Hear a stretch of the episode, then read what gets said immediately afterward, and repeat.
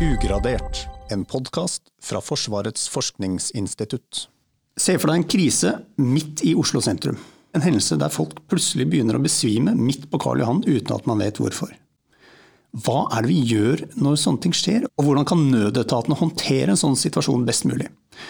Dagens to gjester i Ugradert jobber med og forsker på akkurat denne typen spørsmål. I dag har vi fått besøk av Fatima Ibsen og Arne Joakim Bunkan. Velkommen til dere. Takk. Dere to jobber jo med noe vi kaller CBRNE. Hva er det for noe, Arne? På godt norsk er det rett og slett farlige stoffer. C-en står for chemical, og så er det biological, radiological, nuclear and explosives. Altså, det man vanligvis tenker på når, man, når vi sier CBRNE i forsvarssammenheng eller beredskapssammenheng, det er krig, kanskje terrorangrep. Men de fleste som jobber med det, er ikke Forsvaret. Det er ambulansetjenestene, det er brannmennene våre, og det er politiet. For en liten kjemikalieulykke er fortsatt en kjemisk hendelse som må håndteres av noen, og vi sender ikke hæren etter en lekk gassflaske. Da ringer vi brannvesenet. Ikke sant, så CBRNI er liksom en samlebetegnelse for alt som har med farlige stoffer å gjøre, og det gjelder alle nødetatene. Ja. ja. Og, og, så har vi også på FFI et såkalt beredskapslaboratorium, eller en ID-lab, som, som, dere eh, kaller det. Der jobber du, Fatima. Kan ikke du fortelle litt om hva dere holder på med der? På beredskapslaboratoriet så tar vi imot prøver med ukjent innhold. Og de kan potensielt være veldig giftige. Eh, vi er det eneste laboratoriet i Norge som kan ta imot slike prøver. Og vi har en avtale med Forsvaret og Forsvarsdepartementet Justis- og beredskapsdepartementet og Helsedepartementet om å bistå dem ved hendelser, ulykker, internasjonale operasjoner. Så hvis noen finner en beholder med ukjent materiale i Oslo eller en offentlig bygning, og man ikke vet hva det er, og har mistanke om at det er noe, så ringer de oss? Så ringer de oss. Ja. Hvor lang tid bruker dere på å finne ut av hva det er? Vi prøver å gi et svar så fort som mulig. Ehm, men eh, siden vi skal dekke et bredt omfang av giftige stoffer, så kan det ta tid. Men vi prøver å gjøre det innafor ett døgn. En viktig del av den CBRN-jobben dere driver, er jo å øve. Eh, Dvs. Si å teste ut rutiner og beskyttelse i praksis. Eh, og Det siste året eh, så har dere vært med på et eh, europeisk prosjekt som heter Proactive. Med, og dere har vært på øvelser i Italia og Belgia. Hva er det dere har holdt på med der? Vi har veldig lett for å tenke at folk, når folk får beskjed av brannvesenet om å reise seg og gå, så reiser de seg og går. Men hvis de ikke kan reise seg, f.eks. For fordi de sitter i en rullestol, eller de ikke hører og ikke får med seg at de blir bedt om å reise seg og gå, hva gjør vi da? Det er det vi prøver å finne ut av i Proactive. Vi har lett for å tenke at sårbare grupper er de som har en funksjonshemning.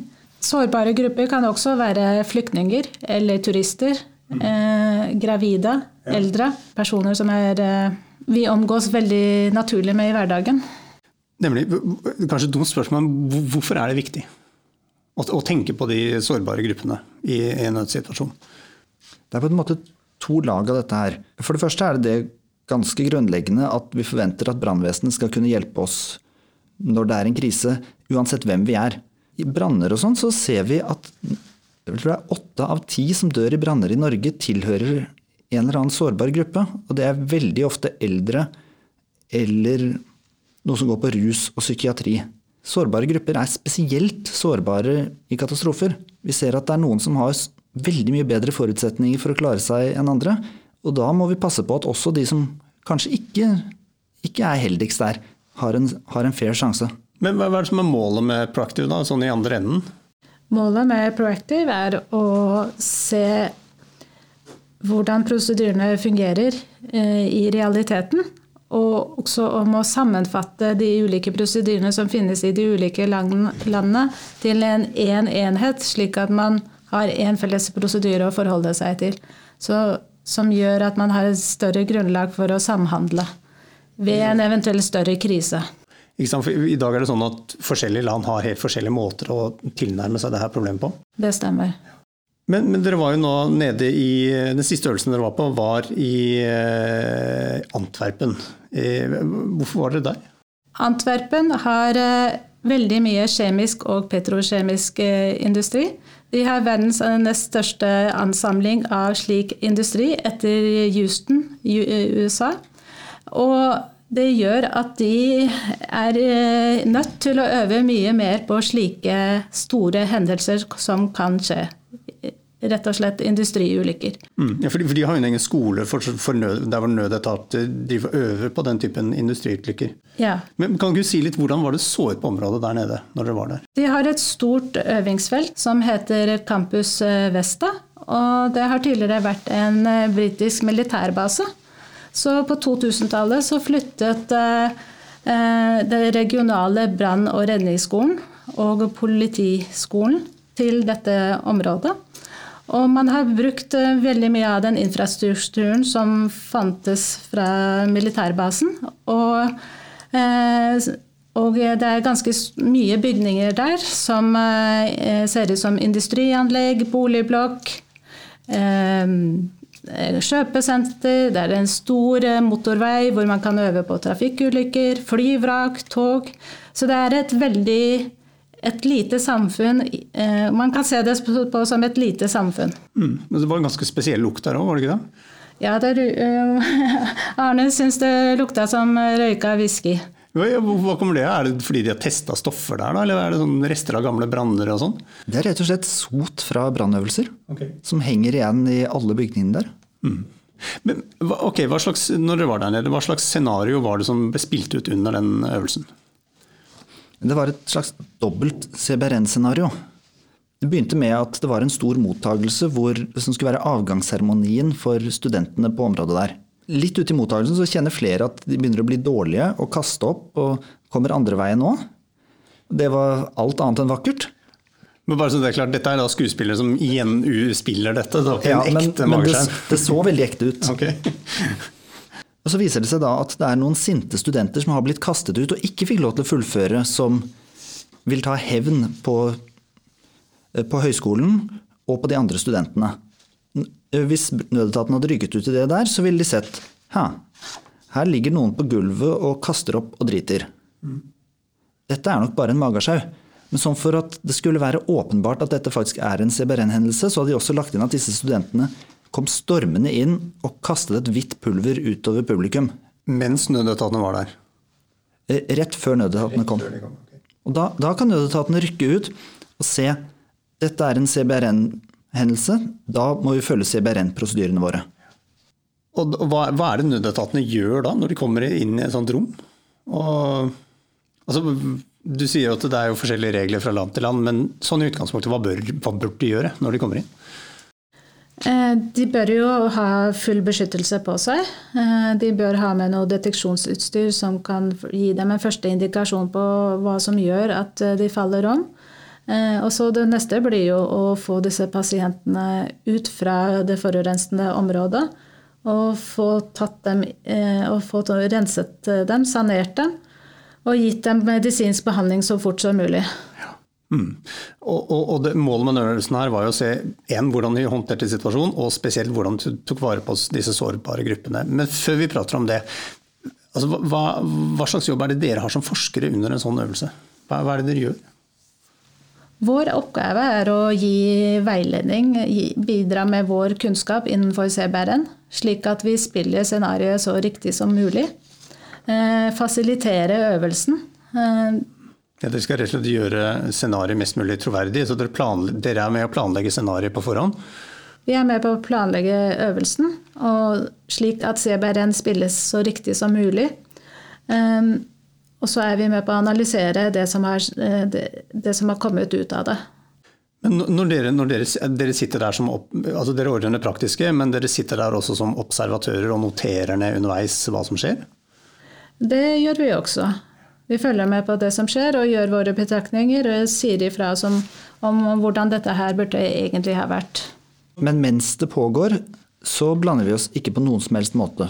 Vår, våre oppgaver er det å være med å arrangere øvelsen, både faglig, skaffe et godt scenario, logistikk, at ting virker.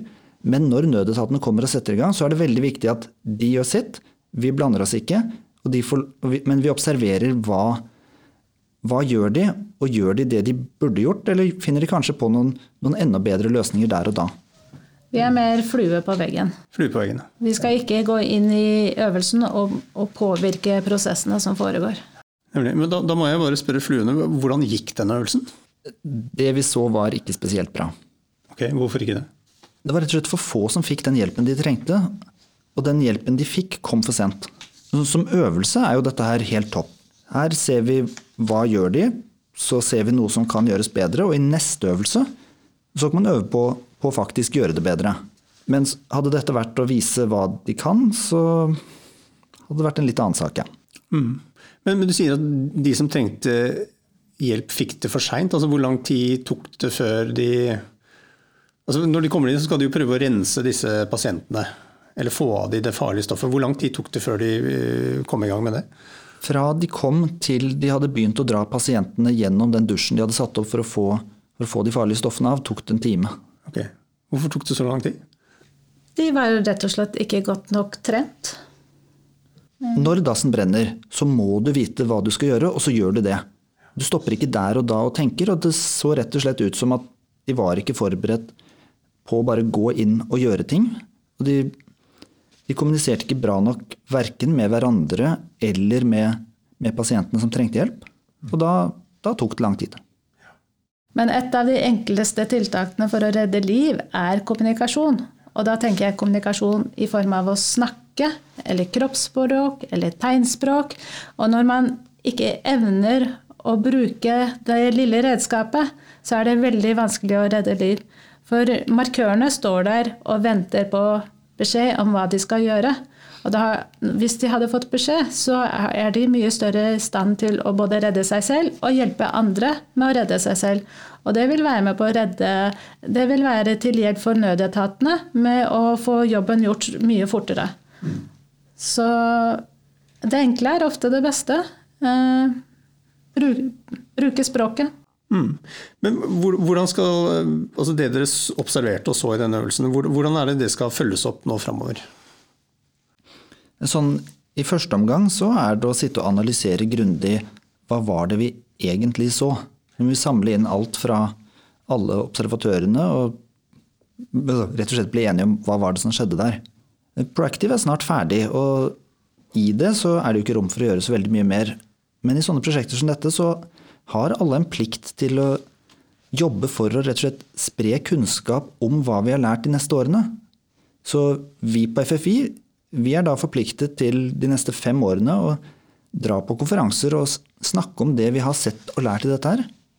Og I Norge så er vi så heldige at vi har totalforsvarssamarbeidet hvor vi møter både Forsvaret og nødetatene. Så på neste års konferanse så kan vi fortelle at vi har deltatt i Proactive og vi har vært på øvelse, og dette er det vi vi har sett. Mm. Men, men, Kommer dere til å klare å lage noen nye felles retningslinjer for europeiske land, eller blir det mer noen generelle råd? I første omgang så blir det nok heller generelle råd og et godt grunnlag for hvordan vi kan planlegge nye øvelser. Men, men tror du denne øvelsen her hadde gått bedre, bedre i Norge? Det vet vi ikke. Vi har rett og slett ikke noe forutsetning for å si om om det er, står, det er, bedre eller dårligere stilt her. for vi, vi har aldri hatt en lignende øvelse. Det vi håper, er jo at vi kan organisere en lignende øvelse på norsk jord, hvor vi virkelig kan teste hvordan det står til med våre brannvesen. Vi er heldige i Norge som har mye mer tettere samarbeid med både Forsvaret og de sivile etatene. Så vi snakker mye mer sammen med hverandre enn det som kanskje er vanlig ute i verden. Eh, så det er fordelen med små nasjoner, er at de har mye tettere samarbeid med hverandre enn det som er vanlig ute. Nemlig. Og en ting er jo prosedyrer for å ta vare på sårbare grupper, men har nødetatene god, god, nok kunnskap og, prosedyrer for farlige stoffer generelt? Altså, Hvilken erfaring har dere der? Prosedyrene er nok gode nok, men Dessverre er man litt avhengig av at det er ildsjeler som, som, er villige til å bruke tid på å virkelig lære seg dette her, CBRN som fag, i jobben sin som brannmann, ambulansearbeider. I de store byene så har man jo store profesjonelle brannvesen som, som, kan bruke ressurser på dette her, men på mindre steder vil man være avhengig av at noen er villig til å plukke opp ballen og, og drive det. Men jeg vil si at i senere tid så har man blitt flinkere til å jobbe mer sammen. Og nødetatene er jo i større grad med på militære øvelser for å lære mer om CBRN. Så det har blitt bedre, men eh, det ligger fortsatt et potensial til å utvikle seg. Men hva, hva, nå er det jo, du sier at Proactive går mot slutten. Hva er det neste store prosjektet dere skal jobbe med nå? I Proactive så har vi jobbet med hvordan tar, tar vi oss av faktiske folkemengder når det har gått galt. Men det neste prosjektet vi har, det er et skritt tilbake i, si, i rekka der. Eh, når det kommer en melding om at det er noe, noe farlig, hvordan finner vi ut av hva det er? Så vi skal jobbe sammen med partnere i Nederland, Tyskland, Sverige og Polen om å rett og slett lage bedre systemer for å både oppdage kjemiske, biologiske og radiologiske stoffer, men også finne ut av nøyaktig hva er det, og hvor er det. Sånn at nødetatene kan være bedre forberedt til å vite hvor må de gå for å finne kilden til dette her, og hvor er de nødt til å evakuere. Mm. Hvordan kan man oppdage sånne ting? Altså Skal man sette ut sensorer og målere i byene, da, eller hva er det man ser for seg? Man, sette, man har eh, per i dag håndholdte sensorer. Men de har veldig høy grad av falske alarmer.